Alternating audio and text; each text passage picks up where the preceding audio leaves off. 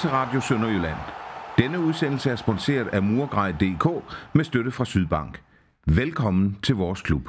I dag skal vi tale om AGF. Først om uh, nederlaget i mandags, og derefter hvor er det jo også vores kommende modstandere i næste kamp, som bliver spillet på torsdag. I dag har jeg besøg af Peter Johansen. Velkommen til, Peter. Tak skal du have. Og Magnus Venterskov. Velkommen til, Magnus. Mange tak. Ja, og så vil jeg jo også lige øh, starte med at byde øh, Radio Sønderjyllands lyttere velkommen, fordi at, øh, I sidder nok og hører det her onsdag, hvis I hører det på, øh, på FM-båndet, og ellers øh, kan I også høre radioen som, øh, som stream. Jamen, vi sidder jo her tirsdag, tirsdag eftermiddag. Øh, Sønderjyske spillede i, i går. Øh, hvordan er følelsen oven på, på sådan en kamp? Jamen, øh, jeg sad jo op på, på pressepladserne og, og så kampen. Øh, og derfra, der, der så jeg egentlig et, et sønderjyske hold, der, hvad skal man sige, gjorde alt det, som de gjorde forkert i Vejle. Altså, de havde den, den rette, rette indstilling, og de kæmpede for sagen, de kæmpede for, ja, for klubben og for byen og for landsdelen osv. Så, øh, så manglede der selvfølgelig noget skarphed, helt sikkert. Øh, og det var også det, som spillere og trænere øh, sagde efter kampen, så man kan ikke rigtig, tænker jeg, forlange mere. Altså som, hverken som fan eller som journalist, kan man jo ikke tænke, jamen, kæmper øh, spillerne for klubben, jamen det gør de. Øh, og så er man uheldig med nogle afslutninger, ikke dygtig, dygtig nok med nogle afslutninger, men det kan man jo så håbe på, øh, at det sted på torsdag, men man kan ikke tillade sig, tænker jeg, at have en følelse af, at spillerne ikke har gjort alt, hvad de kunne, øh, og ligeledes med, med trænerteamet. Ja, for Peter, du sad her jo også efter Vejle-kampen. Det er noget af et andet indtryk, vi, øh, vi sidder med i dag, end vi gjorde sidst. Bestemt. Altså sidste gang, der kunne vi sidde med masser af frustrationer, som vi ikke lige rigtig kunne komme ud med. Øh, men, men den her gang, så er det rigtigt, der blev gjort rigtig mange ting inde på banen, som blev gjort væsentligt bedre ind mod Vejle. Øh, og, og derfor sidder man ikke med de frustrationer mere. Øh, man kan måske øh, sige, at øh, det var rart at se, at de prøvede på at vise, hvad de kunne på en god måde her til sidst øh, i forhold til Vejle-kampen, så det var, det var en, en god respons. Uheldigt at resultatet ikke blev positivt, men, men trods alt en, en god respons for spillerne. Hvordan ser du forskellen på, øh, på Vejle-kampen og så AGF-kampen? Hvad er det, hvad er det spillerne går for, øh, forskel? Altså, jeg tænker, det ikke kun er, er gærighed, de kommer med på banen. Nej, men altså, i, i Vejle-kampen, der kommer man rigtig skidt fra start. Det ser ud til, at der er en vis nervøsitet øh, blandt spillerne, og, og man kommer hurtigt bagud øh, med 0-1 øh, på en forsvarsfejl, og så, så går det sådan set ned ad bakke derefter. Øh, den her gang, der var øh, der virkede til, at, at humøret var højere, og man var mere fokuseret på den opgave, der stod foran sig. Øh, måske det, at, at man var ikke længere favoritten her, men, men man skulle ud og kæmpe for et resultat, at det har været et positivt ting for, for sønderjyske spillerne, hvor mod Vejle var forventet, at nå, det var noget, der måske bare skulle overstås relativt nemt. Ja, Magnus, det bliver jo til et øh, 1-0 nederlag. Hvad var det for en, øh, for en kamp, vi var, vi var viden til? Jamen, øh, det var en kamp, hvor, hvor Sønderjyske vi øh, kom rigtig godt ud, synes jeg. De lagde et pres på AGF's mål. Øh, også selvom at Sønderjyske har haft det svært mod AGF i, i lang tid. Øh, så, øh, så kom de ud med, med vilje og med, med tro på tingene, så det ud til. Øh, lagde AGF under pres. Derefter så kom der måske lidt mere en lidt død periode, øh, og så fik AGF det her mål lige inden pausen, og så begyndte anden halvleg måske lidt mere at ligne den kamp, der var i februar måned, hvor Sønderjyske havde bolden meget på AGF's øh, banehalvdel, men, men havde svært ved at komme frem til de der åbne målchancer. Og så lå AGF selvfølgelig luret på nogle kontramuligheder, som de så fik et par stykker af, men, men ikke øh, scoret på. Så, så i alt i alt en, en kamp, hvor Sønderjyske de meste af tiden var det bedste hold, men øh, ja, skarpheden, den, det, var, det var det, der var til forskel øh, på de to hold. Ja, for det gælder jo i sidste ende om at score mål, og det er jo, at komme bagud mod AGF, det er jo, de er gode til at stille sig tilbage. Det, det Nielsen, det må være en af hans spidskompetencer som træner, at uh, komme foran med et mål, og så bare stille sig tilbage. Ja, skønt de havde et, et, ganske, en ganske ung spiller med, som de giver debut til nede på højre bakken, så, så står de faktisk ganske forpagt, øh, kompakt nede bagved. Øhm, og så kan de ligesom forholde sig afventende i forhold til det sønderjyske spil og se, hvad det er, at sønderjyske, øh, sønderjyske spillere vil fremadrettet. Øhm, og når det så ikke øh, fører til så meget, jamen, så går det hurtigt den anden vej, i særdeleshed over den venstre side for AGF. Øhm, og, og der kommer de altså til nogle, nogle indlæg, og, og de viser lidt større skarphed, end sønderjyderne gør. Og det er, og det er også lige netop det der med indlæg. Altså David Nielsen, både den var i Lyngby og her i, i AGF, han laver utrolig mange indlæg ind mod Sønderjyske. Øh, da de scorede øh, målet, jamen der var de, jeg mener, der var fire mand inde i feltet. Øh, og David Nielsens hold, altså Lyngby og AGF mod Sønderjyske, de laver notorisk rigtig, rigtig mange mål på, på indlæg. Øh, og det, det vil sige, det er også en, en, måske en forskel, det der med, at de er utrolig dygtige til at få bragt de ekstra folk med i, i feltet. Og det var også det, der blev udslagsgivende i, i går, fordi at de netop stod, hvad vi nu, 4 mod 4 ind i feltet af, da de scorede målet. Øh, og det manglede måske de omvendte situationer, så lidt mere sådan, hvad skal man sige, vilje også fra midtbanen til at, at få presset frem. Ja, og, og dødbolde og indlæg. Øh, vi starter jo med, jeg tror vi har det fjerde hjørnspark efter 8 minutter, hvor Peter Christiansen han har været skyldig i, at vi får de, de første tre af dem, tror jeg. Øh, Sønderjyske øh, var jo tidligere var et rigtig stærkt dødboldhold, men, men det er Abslotsen, der står, slår den med venstrebenet, det er sådan ud væk mod målet, og normalt plejer det at være rømmer indad mod målet. Hvorfor tror du, man valgte at gøre det på den måde i, i kampen? Ja, men jeg ved ikke, det ser ud som om, man har indøvet nogle ting, som, som bare ikke lige rigtig giver resultat, når det er, at man endelig skal udføre dem i kampene. Uh, vi har noget med 47 indlæg, og, og jeg tænker, hvis sådan lidt statistisk set, så er det måske kun hver femte eller sådan noget, der bliver farligt. Så, så skarpheden mangler måske både i indlæggene, men også i uh, selve løbene ind i feltet dernede. Hvorfor man lige prøver at gøre det på den måde, jeg, jeg, jeg synes ikke nødvendigvis, det er Johan Absalonsen, der laver de bedste indlæg. Uh, jeg tror, man prøver bare at blande det lidt, men, men det fører bare ikke til det, det skal. Ja, for jeg synes jo, at når Rømer tog over fra den anden side, Jørgen, så blev, de lå noget skarpere, og de var næsten farlige hver gang, uden det kom til en kæmpe chance. Ja, man kan sige, at efter kampen, der sagde Glenn Rudder som også sådan helt overret, at indlæggene var elendige. Altså, han var, han var egentlig tilfreds nok med mange af de situationer, man kom frem til. Øh, og det er selvfølgelig en, en, et dødbold på et hjørnespark, er selvfølgelig noget andet, men generelt indlægskvaliteten var for lav. Øh, og jeg, man kan sige, det der med, at Absalonsen sparkede øh, indlæggene, øh, eller hjørnesparken over for den ene side, der udadskruet, det, det var måske ikke øh, det, den bedste løsning i, i det opgør, men man ved jo aldrig. Øh, det kan være, der har været øvet nogle ting i ja, en uge, som bare ikke fungerede i, i kampen, og så tager man vel vel lære af det til, til på torsdag. Det var også forskelligt at se, hvor de prøvede at ramme hende ind i feltet, mm. så var den for langt, og så var den for kort, og ramte de forreste stolpe. Altså, det, det virkede ikke som om, man vidste, hvor det var, man egentlig skulle sigte hen imod. Øh, skønt man har haft tid til at træne det, så, så ja, der må man sige, at sådan har der ret i, at det var ikke, der var ikke kvalitet nok indlæggende. Ja, nu nævnte jeg jo øh, Peter Christiansen lige før. Han var jo i en startopstilling i forhold til, til Mart Litter. Hvordan synes du, han gjorde det? Jeg synes, han gjorde det rigtig fint. Han kom ind med, med den energi, man et eller andet sted også forventer, fordi man har set det både i indhoppet i Vejle og også i nogle af de andre kampe, han har spillet. Øh, så jeg synes, han gjorde det rigtig fint, og han øh, løb også fra, øh, især tænker jeg nogle gange, øh, fik skaffet nogle hjørnespark. Han, øh, han er den farligste angriber for Sønderjysk lige nu. Sådan ser jeg det helt sikkert. Øh, han skulle have scoret i hvert fald et enkelt mål, og han havde også en, en farlig afslutning mere i første halvleg, som, som gik i sidenettet. Så alt i alt øh, 19-årig dreng, der ikke har særlig meget Superliga-erfaring, men bestemt godkendt, og jeg må ikke, han, han har gode muligheder for os at spille på torsdag. Ja, jeg tænker også, at, at i første halvleg, der driver han lidt gæk med, med AGF's forsvar dernede bagved, øh, og søger sig deltid ud til, til AGF's højre bak derude, den unge mand. Øhm, og, og der har han ting af til at følge med, og det ja, gør han kun i starten, så er han faktisk bag ved ham. Øhm, de første 20 minutter, der gør han det fremragende Christiansen. Han er til tider også 3 mod 1 derinde, fordi du har de to midterforsvarer, som lukker sig på ham, og så enten den ene eller den anden bakspiller, der også går til. Men nogle gange kommer han faktisk sejrig ud af de der dueller, øh, og det er ret imponerende at se, at så unge spiller. Øhm, så han havde bestemt en godkendt første halvleg, det må man sige. Ja, så kom han jo også til vores, øh, nok største chance, i hvert fald i første halvleg, hvor han... Øh, hvor Grabara, tror jeg, han hedder, laver en, øh, en fremragende redning. Det, han har et par stykker i den kamp. Han står en udmærket kamp. Ja, Grabara? Ja, det, ja, det er spændende at se, hvad de gør med ham, når nu hans live-formål her, det er udløber her til sommer, om, om man vælger at satse på ham, eller om man har noget andet i ærmerne op i AGF. Øhm, det er træls, at han står så godt i vejen for de sønderjyske spillere i den her kamp. Det behøver han ikke gøre. Men han mener jo også, at han selv han er lige så god som øh, Alisson, ikke det, han hedder? Øh. Jo, Alisson, ja, Alisson. altså, i går var han dygtig øh, imod Vejle for nogle kampe siden, der var han altså en nærmere en 6 målmand, så det er jo lidt op og ned med ham. Men øh, han var i hvert fald både med Peter Christiansen og med Case øh, Løgs der til sidste kampen utrolig god til at komme ud og lukke, øh, altså gøre målet mindre. Øh, og ja, det, selvfølgelig afslutningerne, de var ikke helt skarpe, men man må også give noget kredit til, til målmanden, især på den sidste i hvert fald. Så øh, Mart Lider, han er jo med det CV, han kom med, og han er jo en stjerne i Sønderjysk, øh, det, øh, han er lønførende. Øh. Han kommer ind øh, med en halv time igen. Hvordan synes du, man kan se en angriber, der har mistet sin plads og kommer ind øh, og skal kæmpe for at få den tilbage igen?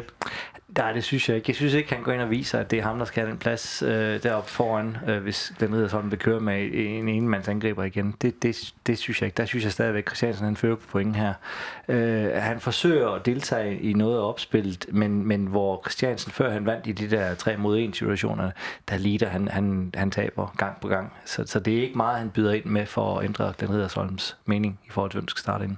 Men hvis man tager dem lidt til forsvar, så er det også en svær situation at komme ind i det. Der ikke der står med 11 mand nærmest på, på egen bane eller ikke? Jo, helt sikkert. Altså i første alder, der stod AGF højere på banen, og det var jo guf for Peter Christiansen, som er hurtig. Øh, alligevel så vil jeg godt give, give Peter lidt ret i, øh, i at Mardita, han ikke helt fik vist, øh, at det var ham, der skal spille på torsdag. Øh, indlæggene var ikke helt skarpe og så videre, men, men han, jeg synes, viljen lige pt, den, der mangler måske lige de sidste 10%, som man også så i kamp mod Vejle, øh, hvor han heller ikke øh, virkede som, som en spiller, der har en helt stor tro på tingene, og ja, øh, han mangler helt klart noget selvtillid, øh, og han mangler at få scoret nogle mål, øh, så det, det, det kan man også godt se som, som tilskuer i hvert fald. Så har vi jo en, øh, vi har jo glimrende bænk. Vi har jo Rokas på bænken øh, fra start af øh, Daniel Manqua, Øh, to, der også er købt ind her i, i transfervinduet. Har vi haft for høje forventninger til, til de to spillere, eller kræver det bare noget, noget tilvænding for dem, før de kan være gældende til startopstillingen? Altså, jeg var den første til at rose både indkøbet af Vankwa og Rojas, da det var, at øh, de kom i vinters. Jeg troede, at øh, begge spillere de ville med det samme kunne gøre en forskel, positiv forskel. Øh, og det tror jeg også, de vil kunne gøre eventuelt i næste sæson, altså til efteråret. Men lige nu er her i den situation, som man står i, den situation, som man hurtigt kommer til at stå i, fordi man blev presset af tre nederlag til at starte med, jamen øh, der passer det ikke ind. Øh, som, altså man så så i kamp mod Vejle, jamen Rokas han... Øh, han fylder ikke lige så meget som Ingrid Jonsson. Øh, han er en, der er meget mere fodbold i Rokas, øh, men, men han fylder ikke så meget på banen. Øh, og så bliver han, så, så, altså i sådan nogle tætte nedrykningskampe her, jamen der kommer han bare til kort. Øh, og det samme tror jeg med Amankre. Nu har man ikke set så meget til ham som øh, med Rokas, men de er en anden type spillere, øh, og de har et godt CV. Øh, så jeg synes, det er helt naturligt, at man har nogle høje forventninger til dem, og jeg kan godt forstå, at Sønderjyske har købt dem. Øh, og det er så let at være bagklog nu, men lige den her situation, som de står i lige nu, jamen, der er det nok ikke lige dem, som, som skal redde klubben ud af, eller klubben fri for nedrykning. Ja, jeg, jeg er enig også. Altså, jeg tror, at Rokas var, var købt ind som det der eksotiske indslag, som vi alle havde, havde store forventninger til, at det bliver spændende og, og sjovt at se, hvad han kan på en fodboldbane. Øh, og Mankva kommer fra, fra øh, en lang pause, så han har godt nok været i en fodboldklub, men han har ikke spillet så forfærdeligt mange kampe, så der har været en del rust, der skal bankes i de ben. Og jeg synes også, man ser, at han kommer ind i, i kampen her i, i går, at, at der, hans løb og, og hans medspillers løb, de kender ikke helt hinanden, så når han skal lægge de der afleveringer eller lægge indlæggene, så kommer de skævt af hinanden, fordi de simpelthen ikke kender hende nok til hinanden endnu. Øh, så på sigt, ja, så kan det blive rigtig spændende i næste sæson, øh, og så må vi bare håbe, det bliver Superliga-sæson frem for noget andet. Så øh, uh, Egert Jonsson, han er jo tilbage fra, eller han var tilbage i startopstillingen. Hvad er det, han uh, bidrager med i sådan en kamp, Peter? En dejlig masse fight. Øh, der er noget vilje i ham. Øh, han, han fordeler boldene godt ned bagved, og, og han går forrest. Og det, det tror jeg, man har brug for i de her situationer, hvor det er, at man, skal, man har noget modstand, øh, hvor man skal prøve at kæmpe sig ud af det. Der er det nogle gode dyder, han har, der kan, kan bringe os frem af banen. Øh, så det, jeg tænker umiddelbart, det er derfor, han er tilbage på banen igen. Det er, at, at han, han står ind for noget god fight, og, og det har vi altså brug for i øjeblikket i Sønderjyske. Jamen, øh, det, det som Peter siger, det er 100% øh, også de tanker, som Glenn Ederson, han, øh, han har, det er jeg helt sikker på. Altså, det handler bare om, at han fylder noget mere, han kan vinde nogle flere bolde, finde nogle anden bolde, vælge nogle dueller. Øh, og han, ja, øh, lige i den situation, som Sønderjyske står i, jamen, der passer han bare bedre ind. Altså, hvor det handler om at, at undgå nedrykning. Tror jeg også, han spiller, for eksempel, når vi skal møde Vejle på hjemmebane. Nu øh, røg han jo på bænken, da vi spillede mod Vejle ude, fordi man havde en forventning om, at, at vi skulle op og styre spillet lidt mere. Det blev så ikke øh, tilfældet.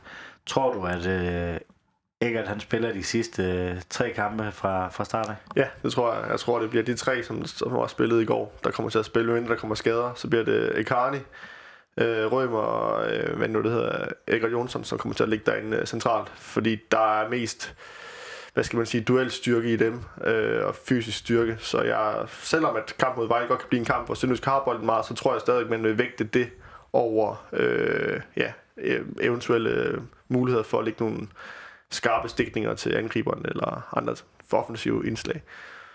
Nu har vi snakket lidt om øh, Peter Christiansen, vi har snakket lidt om Lider, øh, Egert Jonsson. Er der nogle øh, spillere, I lagde specielt mærke til, sådan både i positiv og negativ forstand? Ja, men var så til, at Kies Lux nede bagved, han, øh, han, han gjorde det ganske fornuftigt. Han, han var næsten desværre øh, en af vores farligste spillere, øh, med, både med et frispark, som godt nok er over mål, men, men også senere hen i anden halvleg mod slutningen, der er han også med op og skabe noget uro op i AGF-forsvaret. Øh, jeg synes bestemt, han, han spillede rigtig godt. Og nu vil vi sige, at Milit, han, han får ikke lov til at vise meget i kampen her. Han har jo trods alt kun én redning der til allersidst, men det er altså også en meget vigtig redning, der holder dem øh, inde. Det er uheldigt, at vi ikke får scoret den anden ende. Men redningen mod Mortensen til allersidst, øh, der viser han også sine kvaliteter. Og har godt været, været lidt udskilt i forhold til øh, Vejlekampen blandt andet. Stod han rigtigt, stod han forkert. Øh, her synes jeg, at han, han spiller fremragende og tager sig af det, der er. Og der var godt nok ikke meget, men det er vigtigt, at målmanden så også står i vejen, når han skal.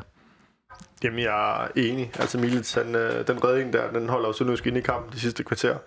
Øh, plus, at mm, jeg synes også, at øh, Peter Christiansen, skal vende tilbage til ham, jamen, øh, han gjorde det rigtig, rigtig godt i forhold til, hvad man kan forvente af en øh, 19-årig angriber. Øh, og ellers så er jeg også enig med Kees Løjks, han øh, gjorde det rigtig fint, og han øh, fik også rettet op på en svag kamp i Vejle, synes jeg. Øh, generelt forsvaret stod jo langt bedre. AGF havde jo ikke særlig mange chancer, øh, så forsvaret stod ganske udmærket de blev lidt presset der ved, ved scoring, hvor de endte med at stå 4 mod 4 ind i, øh, ind i feltet, og ja, der, der har man selvfølgelig også brug for noget hjælp fra, ned fra midtbanen. Ja, for skal vi ikke lige prøve at snakke om, øh, om AGF's mål? Hvad er det reelt, der sker, Peter? Øh, jeg oplever det som, en, som et rigtig godt indlæg smækket ind øh, over for venstrekanten, og, og der får Patrick Mortensen altså lige trukket forsvaret lidt ud af, af balance. Jeg ser dog også, at, at forsvarsspillerne, de to midterforsvarer, Mark Petersen og så også Kis Lux, de kommer til at dække lidt for dybt. De er næsten inde ved Milits at stå, hvor de måske skulle have stået i hvert fald en 3-4 meter, 2-3 meter længere frem på banen. Så havde de også forstyrret Mortensen tilstrækkeligt til, at han ikke kan sparke den der ind. Øh, Patrick Mortensen, han laver et rigtig godt løb for at fange det forsvar, og så trækker han sig frem og kan bare sparke den ind. Flot mål. Glimrende mål. Øh, uheldigt, vi står skævt dernede. Jamen, øh, jeg så selvfølgelig kampen i går, så jeg kun set den en gang efterfølgende. Øh, sådan som jeg lige oplever det, så, så ender det med, at øh, Marfeldt, han ender lidt med at stå både med, med Patrick Mortensen og med Arnbo, tror jeg det er, øh, højrebakken fra AGF. Og så Mark Petersen og, øh, hvad nu det hedder, Chris Løjks, de ender lidt med at dække Bundu op. Øh, begge to. Øh, og så sådan en lille halv skyggemarkering på Patrick Mortensen. Øh, uden rigtig at, at være på ham. Øh, og det er lidt den, det er det matchup, hvor Marfels ender med to øh, der går galt derinde, fordi han formår ligesom at trække væk øh, fra, jeg tror det må være fra Kees Løjks, han trækker væk fra, og så står Barfeldt måske, jamen hvad skal jeg gøre her? Øh, og ja, det er det, det, der går galt derinde. Øh, men som jeg sagde, har været inde på nogle gange, jamen når man står 4 mod 4 derinde, så er det svært, øh, fordi der skal ikke mange hvad skal man sige, øh, finder til, forfinder til, jamen så kom, får man lige en halv meters, øh, halv meters rum til, ja, til modstanderen. Jeg var lidt efter Icardi efter, efter kampen. Jeg synes, han spillede mange gode kampe i det her forår, men øh, jeg synes, han, han var lidt uvenner med bolden i, i går. Er du enig? Ja, ja det, er en, det er en øh, pæn måde, du siger det på. Øhm, jeg synes, han, han lavede nogle defensive ting, som var fornuftige. Der fordelte han egentlig bolden, bolden øh, fornuftigt bagudrettet øh, til, til forsvaret og til baksene, øh, og, og kæmpede også det, han kunne derinde. Men når vi har set ham spille nogle andre kampe, hvor han har et væsentligt højere niveau, så, så var han skuffende i går. Øh, det er rigtigt. Han bliver ikke en, en kreatør, en der ligger alle de der sukkerballer og, og laver det hele. Men, men hvis han så vender tilbage til de der defensive dyder, som han har, og gør dem godt nok, så, så er han stadigvæk en god spiller. Og i går der haltede det desværre. Det har du ret i. Ja, han er jo også den første spiller, Glenn Riddersholm, han uh, skifter ud. Var det et uh, tegn på hans niveau?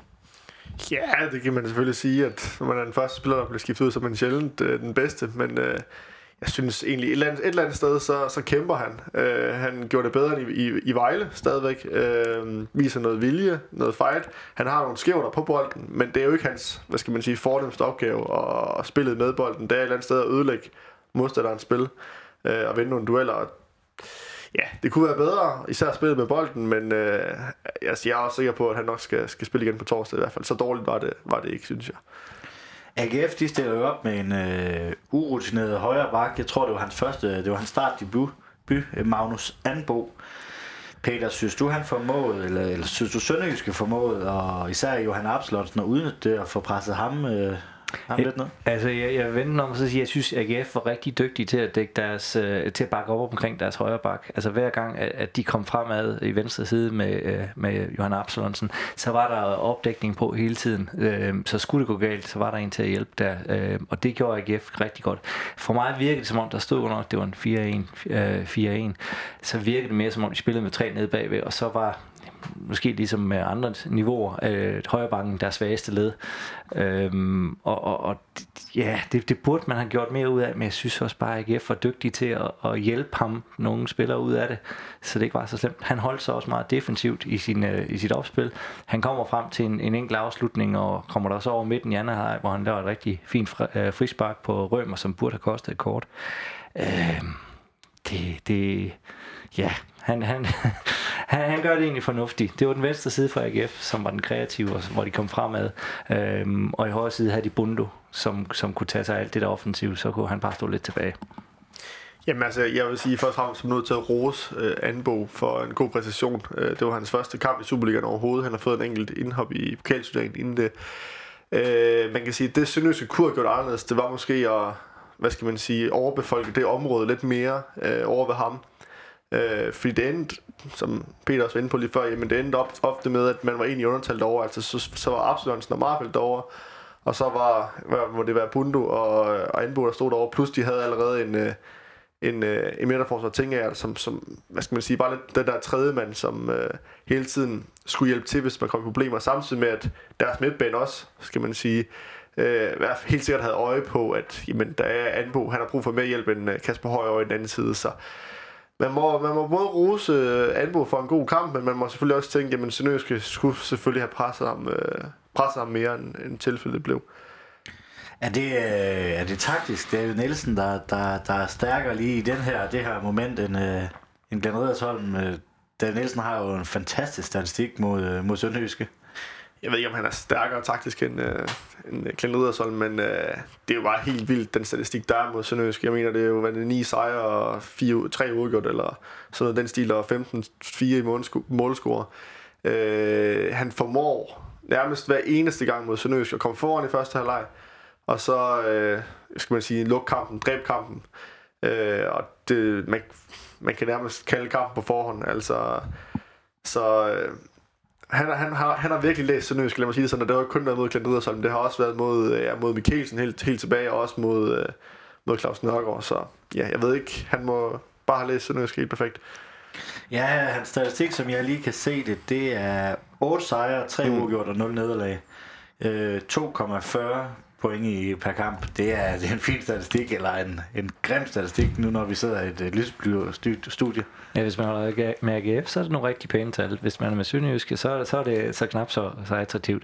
Uh, jeg, jeg tænker også, at, at han har fundet ud af at stabilisere uh, nogle rigtig gode forsvar, også da han var i Lyngby, der var han også dygtig til at stabilisere det. Og så uh, kan man måske stille spørgsmål til ved, ved Sønderjyske, når det er, det drejer sig om det fremadrettet. Hvem har man egentlig til at dirigere spillet? Hvem er der uh, skal ligge der og styre det inde midt på, så når man kommer til noget rigtig godt offensivt. Øhm, altså hvis man giver initiativ til Sønderjyske, hvem er det så, der skal, der skal gøre det onde mod modstanderne? Det er svært at se. Der er ikke rigtig nogen profiler derinde, der, der er en offensiv profil. Vi har nogle rigtig dygtige midtbanespillere i Eckert og i Karni og, og Jonsson derinde, men der er jo ingen af dem, som er sådan en, en dirigerende midtbanespiller, som fortæller, eller lægger de gode baller til, til angriberne. Øhm, så jeg tror egentlig bare, at David Nielsen har tænkt, jamen lad, lad os se, hvad de kommer med, og så tager vi den derfra. Og så har vi nogle rigtig dygtige offensive S'er, der kan sparke den ind, når de får muligheden. Det er sket mange gange. Det gør han, det gør han hver gang. Altså mm. det er lige præcis den gør hver eneste gang. Det gjorde han også sidst, øh, de spillede i februar. Det gjorde han også, der kamp op i Aarhus, hvor de vandt 1-0 øh, AGF. Der var Sønderjyske det bedste, klart bedste spilmæssige hold, og også mere end de var i går. Øh, så var der lige nogle Europa League kampe, hvor, det, hvor AGF måske også var bedst, øh, men øh, de sidste øh, kampe her mod AGF, plus kampen mod Lyngby, jamen der gjorde han præcis det samme hver eneste gang. Øh, og det lykkedes jo, ja, hvad er det så, blevet øh, 8 ud af 12 gange, hvor det lykkedes til perfektion. Alt for mange gange. Alt for mange gange, ja. Ja, nu, nu kom jeg lige ud af, hvad det er, hvad min næste spørg- spørgsmål var.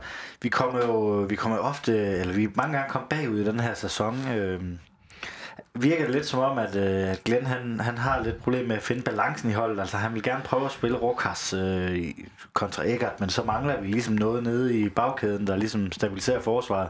Omvendt spiller han med, med Eggert Jonsen, så, øh, så mangler vi ligesom den offensive kraft, som I lige nævner. Har han lidt øh, svært ved at finde balancen i holdet lige i øjeblikket? Altså, jeg synes, at når man kigger på de kampe, der er blevet spillet, så har vi ofte manglet en vis skarphed op foran, for jeg synes egentlig, at vi kommer til rigtig mange ting. Øh, også her mod AGF i går, der, der havde vi chancer. Peter Christiansen har nogle chancer op foran. Øh, Vejle er altså et særtilfælde, men da vi ikke er bagud med så mange imod Vejle, der har vi rigtig mange for, øh, eller chancer op foran Vejles mål. Øh, så vi kommer til chancerne, men skarpheden den er simpelthen en mangelvare øh, for den, offent, øh, sønderjyske offensiv, synes jeg, at det er det, det drejer sig om.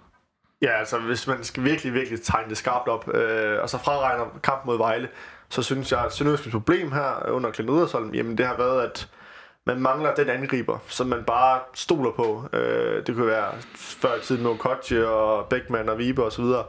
Spillere, som man ved, jamen de skal nok score i hvert fald, øh, hvad skal man sige, en tre mål i, ja, eller et- mål hver anden kamp, eller, eller hver tredje kamp som minimum.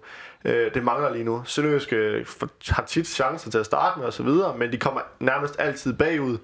Derefter så hænger man jo, hvad skal man sige, efter øh, modstanderen. Øhm, og det, det har bare indvirkning på, på resten af kampen. Øhm, og hvad skal man sige, jeg er sikker på, at hvis Sønderjyske først kommer foran, det så man både mod Randers og mod Esbjerg, jamen, så bliver det en helt anden kamp. Øh, men hvis det skal ske, jamen, så, så er man nødt til at finde noget større skarphed, og man, man har brug for en angriber, der, der virkelig stepper op. Og så kan man så stille sig selv det spørgsmål, om man har, har 100% tillid til, at en 19-årig angriber øh, kan, er klar til det. Altså, potentialet er sindssygt stort, men er han klar til det lige nu? Eller skal det være Mart Litter, som ja, må have, have et potentiale, han ikke har vist endnu i hvert fald i, i Sønderjyske. Så det, det er en stor opgave, og en, en svær opgave både for, for angriberne og for, for trænerteamet at finde ud af, hvordan man løser den. Man kan også kigge på det rent taktisk og så sige, jamen, hvad nu hvis man står med to angriber op på toppen, mm. jamen, giver man så modstandernes forsvar det mere at, slås med det op, og giver det så samtidig uh, Sønderjyskes angriber mere tid til at, at lave kvalificerede afslutninger. Øhm, det kunne man jo godt overveje, at, at smide en ekstra mand op på toppen, det vil gøre, at man vil få en større kvalitet i det, man laver derop, fordi der kommer mere tid til det. Man er ikke bare tre mod en, som det var tilfældet i går. Præcis også det, som man gjorde i starten af sæsonen, når man spillede med Vilsom og Mart Lider. Jeg synes jo rent faktisk, at dengang, der, der fik Sønderjyske rigtig mange chancer. Der var det igen skarpheden, der manglede. Mm. Øh, så jeg tænker, at det kunne også være en, en fin idé at prøve. Og tør man gøre det lige nu i den her situation, det ved jeg ikke. Men jeg tror helt sikkert, at, at det vil kunne give nogle flere chancer. Og kommer man først foran 1-0, jamen, så kan man jo lave en David Nielsen, stille sig tilbage, øh, og så tage den derfra. Det, det er i hvert fald lettere at stille sig tilbage end der og, og angribe kampen på den måde, som Glenn har prøvet i de, i de fleste kampe indtil, til, indtil videre. Ja, for truppen er jo også til, at det er jo nogle øh, interessante navne, han kan spille i spil. Skulle man være foran i si- øh, til min sidste halve time igen, altså en Ma- Amankwa med plads, en Rokas med plads.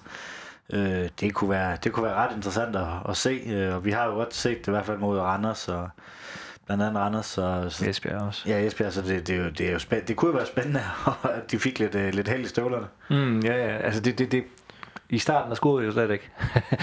øhm, og, og, så lige pludselig så gik der altså bare hul på den byld der, så kom der tre. Det var jo fantastisk at opleve. Kan man komme i gang med det her igen? Øh, nu scorede man en mod Vejle, men øh, ellers inden da, der var der Horsens ingen mål, og i går ingen mål. Kan man komme i gang igen, så kan det være, at man kan opbygge en eller anden form for steam. Det vil være rart. Nu, øh, nu skal vi jo snakke optag til AGF igen, men, men hvor, hvor nervøse er I sådan for, for det her nedrykningsspil, og Vejle kommer bullerne bagfra, der er tre point op til Horsens, som ligner, de er gået endnu mere i ståen Sønderjyske, men hvor, næ- hvor nervøs er du øh, for, for det?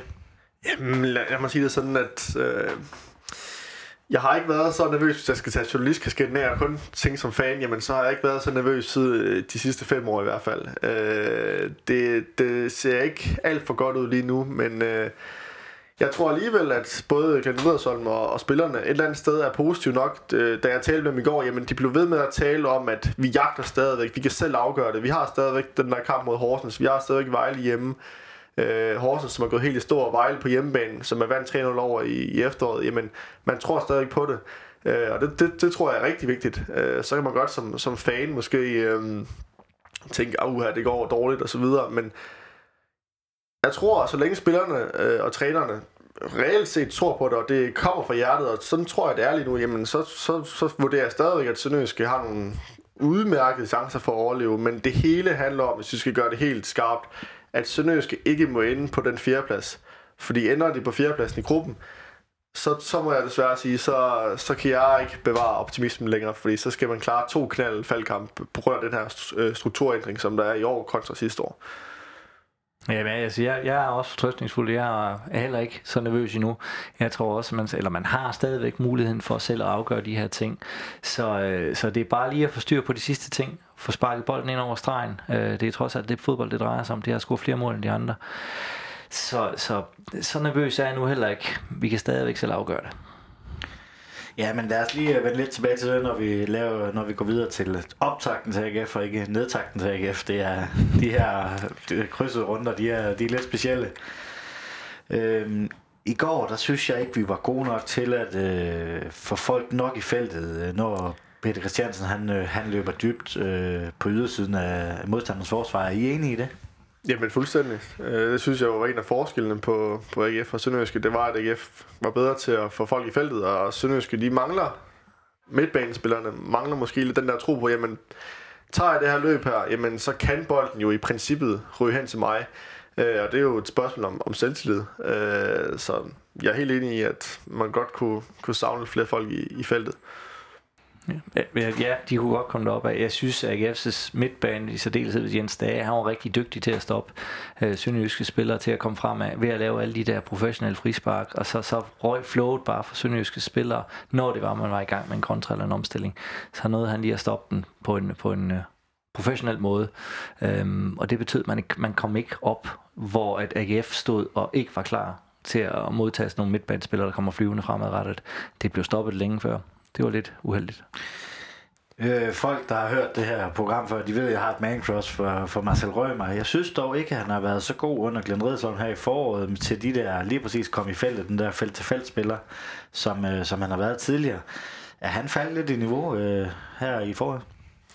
Det kan man godt argumentere for. Han er også blevet taget ud nogle gange. Øh, alligevel så tror jeg, at han er den spiller af de tre centralt, der er sikrest på holdkortet alligevel. Øh, så han, skal man, han gør det stadig stabilt, men det er klart, at han var, han var måske ikke så afgørende her i, i foråret indtil videre, som øh, han har været tidligere, men det skal jo selvfølgelig også ses, ses i sammenhæng med hele holdet, som ja, ikke fungerer, som, som det har gjort for, for i hvert fald et par år siden.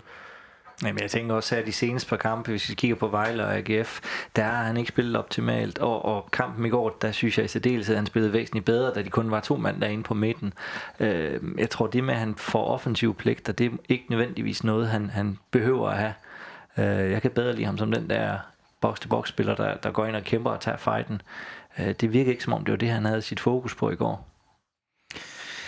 Øh, vi får jo, eller Alexander Bar, han bliver, han bliver kåret til man of the match. Øh, er I enige i den vurdering? Ja, men altså, jeg har jo sagt, at jeg synes, Peter Christiansen, eller ja, Peter Christiansen havde nok valgt, hvis det var.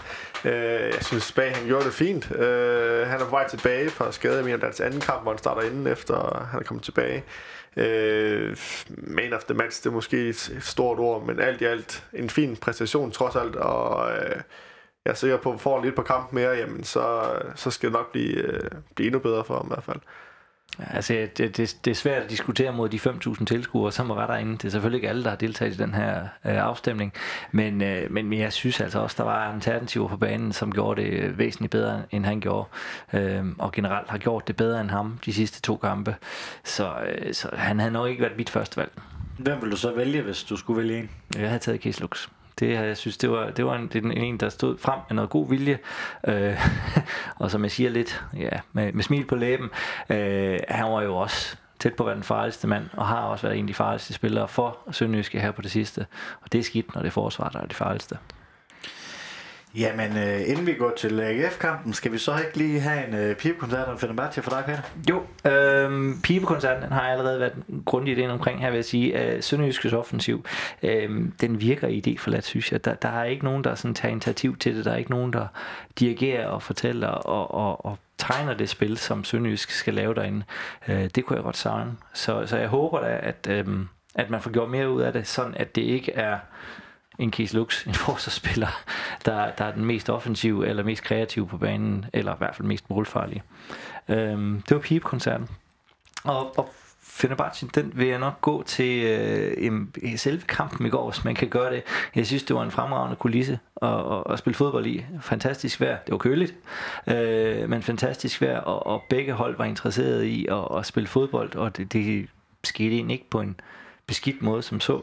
Og så var det rart at høre tilskuerne næsten konstant. Jeg ved, der var udholdsfans med os, og de kom med en stor flok. Men øh, det var en god ramme, øh, og fodbold skal opleves, det skal ikke ses på tv. Du lytter til voresklub.dk på Radio Sønderjylland.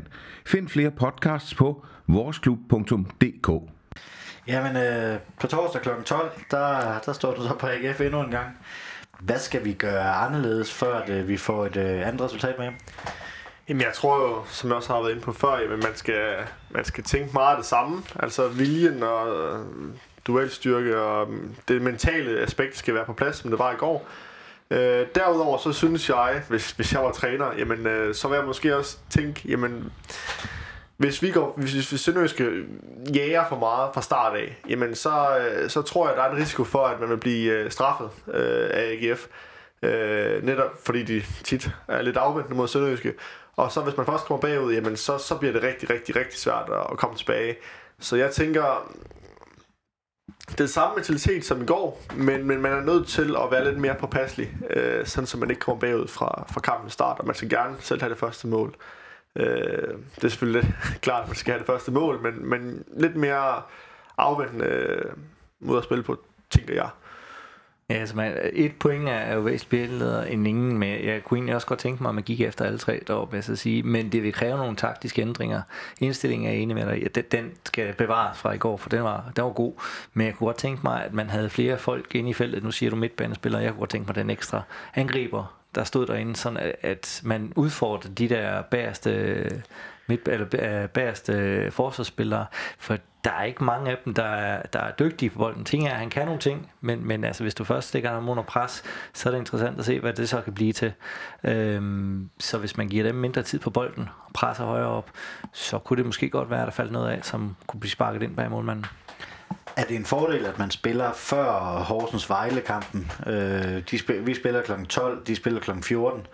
Er, er det en fordel, at man ikke øh, kan skælne til et resultat, eller at måske endda en ulempe? Ah, det, jeg, jeg tror faktisk, det er ingen betydning for. Altså, det kunne have haft en betydning, hvis det var, at Vejle havde vundet øh, over Horsens eksempelvis, og så følte man sig mega presset. Øh, det kunne også have haft en betydning, hvis det var, at Horsens havde vundet, for så kunne man måske spille mere frit. Øh, men nu i den her situation, jamen, der får det jo ingen betydning. Så øh, tænker jeg i hvert fald ikke. Så jeg, jeg tænker, at Sønderjyske skal bare holde fokus på deres egen kamp, og så må de jo så tage håb på enten Vejle eller Horsens, alt efter hvordan det går i, i sin egen kamp. Øh, ja. Jeg, jeg tænker også, at, at man kan spille lidt frit, hvis det er det, man ønsker i hvert fald. Mm. Øh, man har ikke et andet resultat, man lige skal løbe og lytte til hele tiden. Øh, men det kunne også være lidt sjovt at sætte de andre to hold under pres, og så sige, jamen nu har vi leveret det her resultat, hvad har I så at bringe til, til ballet? Øh, ja, for man har jo ligesom uh, muligheden for, hvis, hvis man sejrer, så rykker man stadigvæk over Horsens utrolig nok, selvom vi sidder her og taler om nederlag nærmest gang på gang. Øh, så er Vejle 5 point efter lige bagefter, så er der pres på Vejle, hvis de skal, hvis de skal nå, nå noget som helst. Øh, der er også pres på, på Horsens, der ligesom øh, nu skal ned og spille nedrykning, og, og selvom det ikke kører godt for os, så øh, det kører slet ikke godt for Horsens.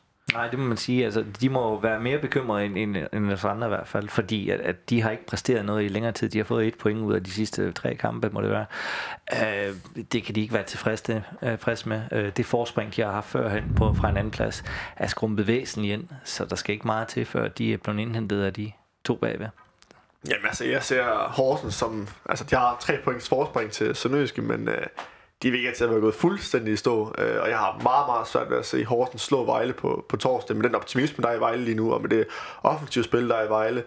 Øh, deres nye træner deroppe, han har virkelig fået øh, ja, utroligt nok, selvom man ikke kan eng- ordentligt engelsk, så har han fået sat skik på holdet, så jeg vil, lad mig sige det sådan, at øh, hvis Sønderjyske de bare kan overhale Horsens øh, på en eller anden måde, jamen, altså, enten i deres indbørdeskamp eller kampene rundt omkring, jamen, så er jeg sikker på, at Horsens får ikke mange flere point, øh, ja, måske ud over kampen mod Sønderjyske, hvis det endelig skal være. Ja, for det er alligevel en uh, vild uh, slutspurt, Vejle de, uh, de er kommet med i det her nedrykningsspil. De er ved at stable noget, noget rigtig pænt sammen på et rigtig grimt tidspunkt for, for Sønderjyske. Øh, tre point op, så det, det kan hurtigt hentes bare i den indbyttes kamp, så er man derop. Nu kan jeg ikke lige huske målscoren, hvordan den ser ud, men, men stadigvæk, at øh, det, det, det er skidt, at de bliver godt kørende. Det havde vi ikke brug for. Hvis vi så skal kigge på, øh, på kampen, hvor vigtig er tre point egentlig øh, for Sønderjyskes vedkommende? Jamen, det er jo vanvittigt vigtigt. Altså, du kan jo ikke, altså, man kan, så kan man argumentere for, at kamp mod Horsens er endnu vigtigere, fordi det er en 6 points kamp og så videre. Men de tre point mod Horsens, eller mod AGF, vil betyde alt. Øh, selvtillid for, frem mod kamp mod Horsens og Vejle. Øh, tro på sig selv, også generelt jo øh, i hele organisationen omkring, jamen er det rigtigt, det vi gør lige nu? Øh, der er selvfølgelig kommet noget tvivl ind i det. Øh, så pludselig tre point vil måske enten kunne, kunne sikre, at man overhaler Horsens, eller så vil det kunne sikre, at afstanden til Vejle er så stor, at det vil hedde fem point med, med to kampe tilbage, hvis, hvis Vejle nu øh, taber i Horsens. Så det vil give en helt anden frihed til, til holdet og til, ja, til alt øh, i, i hele Sønderjyske. Peter, hvad er det bedste, øh, hvis vi skal prøve at kigge lidt i, i spåkuglen? Hvad er det bedste? Vil det være en uh, sønderjyske sejr og en Vejle sejr, så du faktisk øh, selv kan bestemme?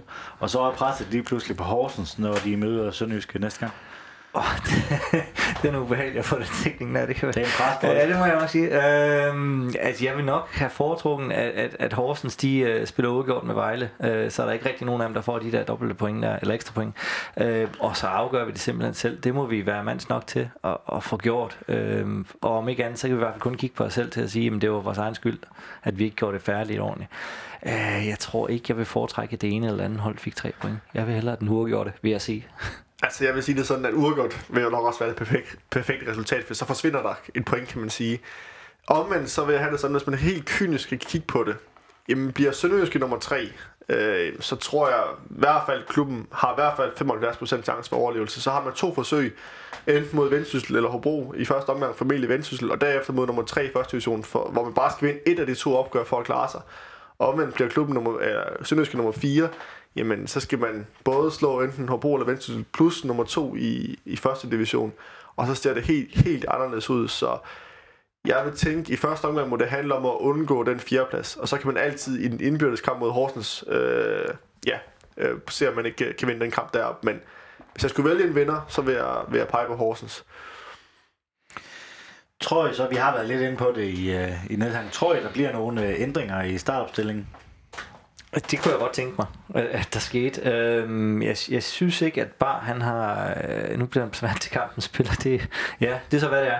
Men, men jeg synes ikke, han har været øh, så god, som han var i efteråret, vil jeg så sige. Øh, om det skyldes en skade, og han ikke er i kampform, det, det skal jeg ikke kunne sige. Men, men jeg kunne godt tænke mig, at der var en ændring der. Så umiddelbart kunne jeg også godt tænke mig, at uh, Impindi kom ud og sidde lidt på bænken, øh, og fik lidt et hvil derude, men det er mere fordi jeg tænker øh, sådan rent øh, taktisk opstillingsmæssigt, at vi ikke behøver nødvendigvis den der defensiv midt. Det, det kunne jeg godt se en, en Eckert og en, øh, og en Rømer stå og lave derinde. Og det vil jo så betyde, at vi kan smide en ekstra angriber op på toppen, så vi rigtig kan presse dem for at få det mål, vi nogle gange har brug for. Jamen, øh, jeg kan sagtens følge din tankegang. Øh, hvis jeg var træner, så ville jeg vælge, vælge den defensive øh, måde, fordi jeg vil være utrolig bange for den typiske AGF-kamp, hvor man kommer bagud i første halvleg, og så lukker David Nielsen bare kampen ned.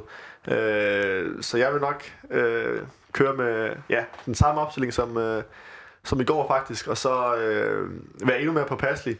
Øh, vi har set de sidste mere end to kampe op i Aarhus, hvor Sønderjyske har haft et lidt mere offensivt udtryk, end, øh, end man faktisk havde ofte i, øh, i, i den periode.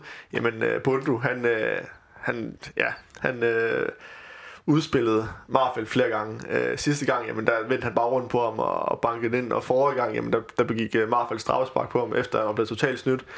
Øh, så jeg vil, jeg vil efterlade en meget, meget lille bagrum, øh, og så vil jeg prøve øh, skal man sige, slå David Nielsen med, med den medicin, han normalt bruger mod Sønderjyske. Kan det komme i spil, at øh, med, med AGF sejr, så er de ja, 98,9% sikker på, på at overleve.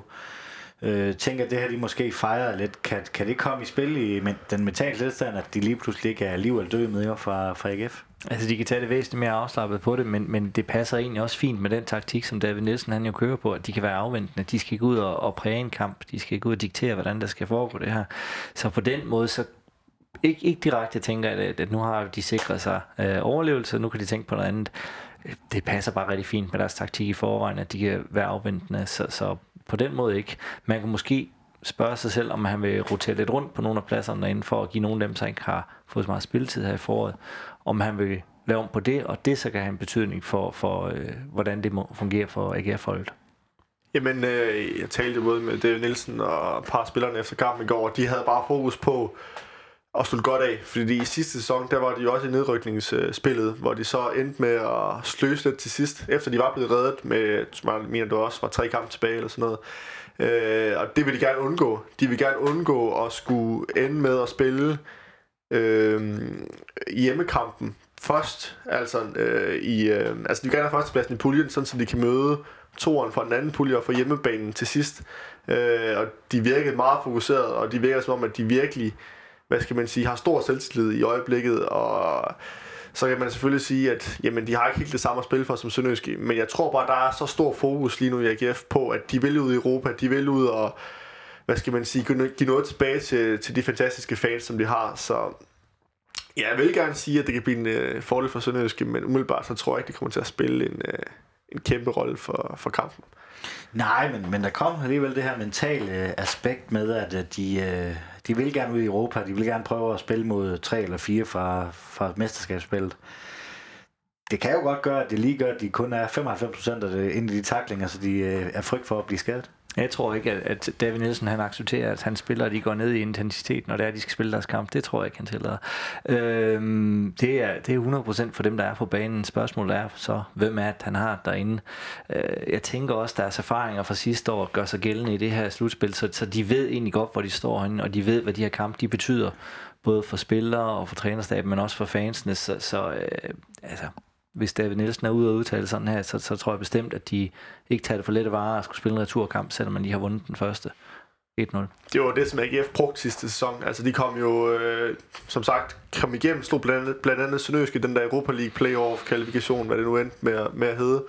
Øh, og der var en kæmpe optimisme til sæsonen efter, fordi man netop havde klaret det godt i de der øh, kampe, selvom sæsonen i sig selv var en skuffelse med mistet top 6. Så jeg tænker, at de har fuld fokus på at gøre præcis det samme igen i år.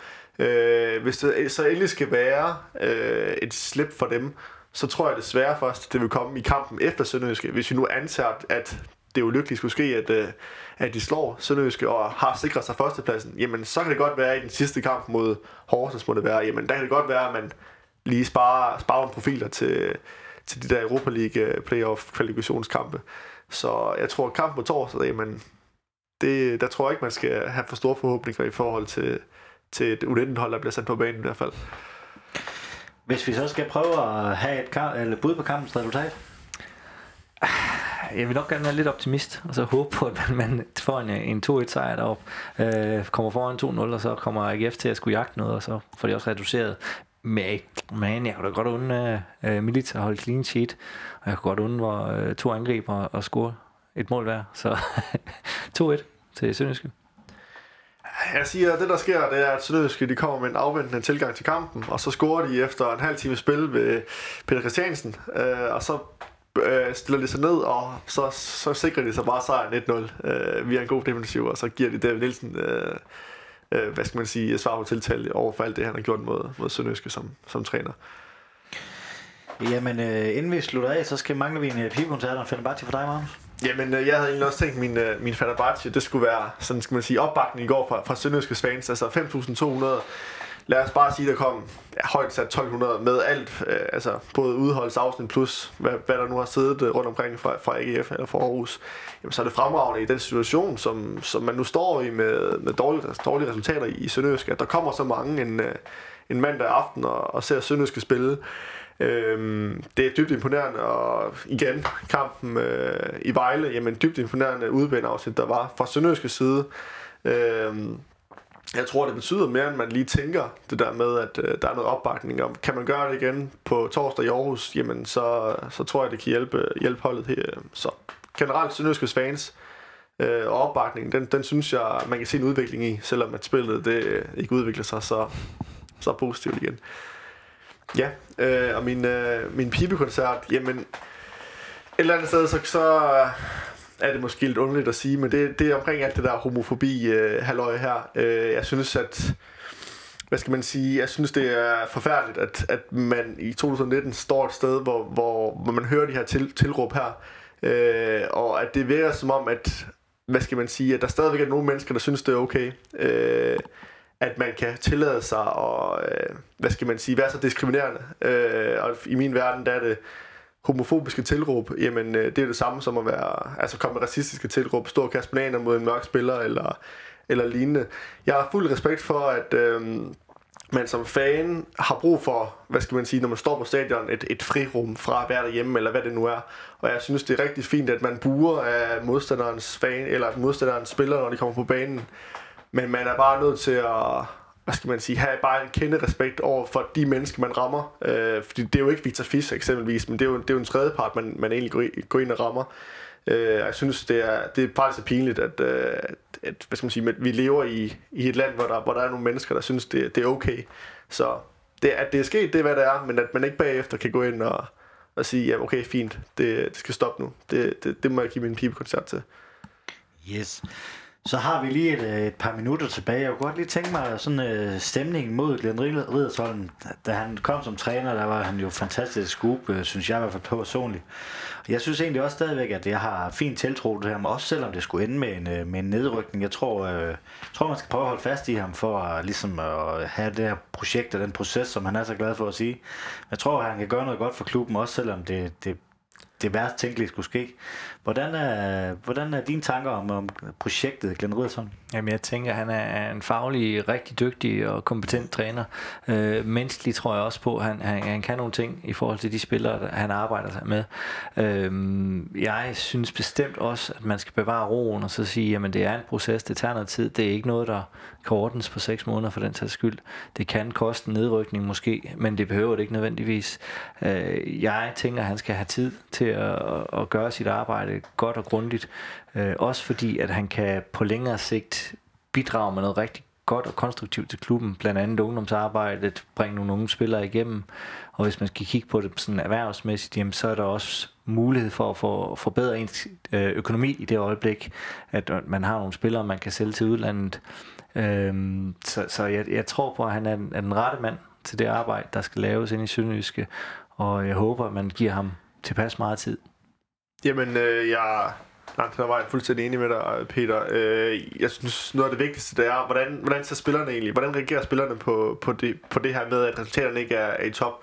Og det jeg hører, og det jeg også ser, når jeg er på træningsbanen, eller hvis jeg taler med spillerne, jamen det er, at man er utrolig glad for Clint Riddersholm, øh, og man er glade for de idéer, han har prøvet at, at indføre. Han er, man er glad for, hvad skal man sige, måden han tænker på, måden han hans mandskabspleje, han har en, og det skal ikke handle om Claus Nørgaard og det hele nu, men han har en helt anden udstråling, en karisma, han har en, vi går den her vej, øh, vi går til højre, og vi, der er ikke nogen tvivl om det. Øh, så opbakningen fra spillertruppen, selvfølgelig skal der nok være nogen, der er utilfredse med, at de ikke spiller, men, men de er i hvert fald med ham, øh, grundlæggende set, og, og det, det, det, det synes jeg er det allervigtigste. Øh, så jeg ser ingen grund til at, at skal man sige, på, den, på den store bane at stille spørgsmålstegn med ham på, på nogen måde. Og jeg tror stadig på, at, at han er den rigtige mand for, for Sønderjyske. Nej, ja, det kræver jo tid, og det, det, den spillestil, han prøver at implementere, det kræver tid, så vi skal bare få død og pine lige meget, hvor grimt det bliver overlevet den her sæson, så han kan få en, øh, få en hel sæson med, med ro i truppen og, og prøve at udøve sine idéer. For lige nu, der, der tænker jeg heller ikke, det er 100% Glenn Riddersholm. Han prøver lidt også at finde sådan en blanding af gammel sønderjyske og, og Glenn Riddersholms spillestil, fordi at det er så død, øh, vigtigt, at vi overlever så vi ikke øh, misser et, et år i, i første division eventuelt, Øh, for projektet, Glenn Riddersson? Mm, nej, altså jeg tænker også, at det, det, er, det er ikke nemt at falde ind midt i en sæson, og så prøve på at sætte sit helt egen præg på en trup, øh, som man egentlig ikke har selv været med til at skabe. Øh, lad ham nu lige få, øh, få arbejdet den her sæson igennem, og lad os så bare satse på, at det bliver en, en Superliga-sæson igen til august, øh, eller juli for den sags skyld, hvornår det nu end starter. Men, men giv ham tid til at arbejde en ny trup op og arbejde nogle nye ting ind, det er et kompromis, han er inde på i nogle forbindelser, det tror jeg, du har fuldstændig ret i. Så øh, han skal bare have tid, og det samme skal spillerne også, til at vende sig til det. Altså, jeg tror, det bliver et helt andet øh, sønderjyske hold, hvis de stadig spiller i, i Superliga næste sæson. Altså, jeg tror, at man vil se meget mere fodbold. Øh, altså, fodbold forstået på den måde, at man vil, man vil prøve at spille mere fodbold, og ikke, øh, hvad skal man sige, vinde så meget på de der sønderjyske dyder, man, man taler om. Øh, spillere som Walkers og Mangfar, øh, vil, vil, tror jeg vil få en større rolle på holdet. Jeg tror, der vil ske en udrensning af nogle af de øh, ældre spillere. Øh, så kan man bare overleve den her sæson her, jamen så, så, så tænker jeg faktisk, at øh, projektet Klendt Edersholm øh, har rigtig, rigtig gode muligheder for at blive en kæmpe succes. Og man har jo selv set i, i Midtjylland, selv inden øh, Rigmanden kom tæt op, jamen der løftede han jo holdet kolossalt fra et hold i nedrykningsfart til et hold, der næsten blev mestre, hvis man skal kigge før æren med, med de mange penge. Yes, jamen øh, her på faldrebet, er der noget, I mangler for sagt? Nej. Ja, det er øh, opfordrer alle sønderske fans til at støtte op om holdet på, på torsdag, fordi at det er sindssygt vigtigt, øh, den der kamp. Man finder ikke en vigtigere kamp de sidste mange år, men der kommer selvfølgelig nogle endnu vigtigere kamp fremadrettet. Den kan gøre udgangspunktet lidt, øh, lidt bedre. Et kæmpe fordel, eller kæmpe forskel, om man øh, får et 0-1 eller 3 point øh, på, på torsdag i hvert fald. Jamen, øh, så vil jeg godt sige ret øh, tak til øh, Magnus Venterskov. Tak, tak fordi du gad at bruge en time tid sammen med mig. Tak til Peter Hansen. Velkommen. Moin. Et stort tak skal lyde til murgrej.dk og Sydbank. Uden dem var denne podcast ikke mulig. Støt os på MobilePay, box 25631, 25631. Et kæmpe tak skal også lyde til dig, som lytter med. Uden dig var der nemlig ingen grund til at lave denne podcast. Spred gerne rygtet om voresklub.dk, så vi kan få lyttertallet endnu højere op. Vi siger så møg manden tak.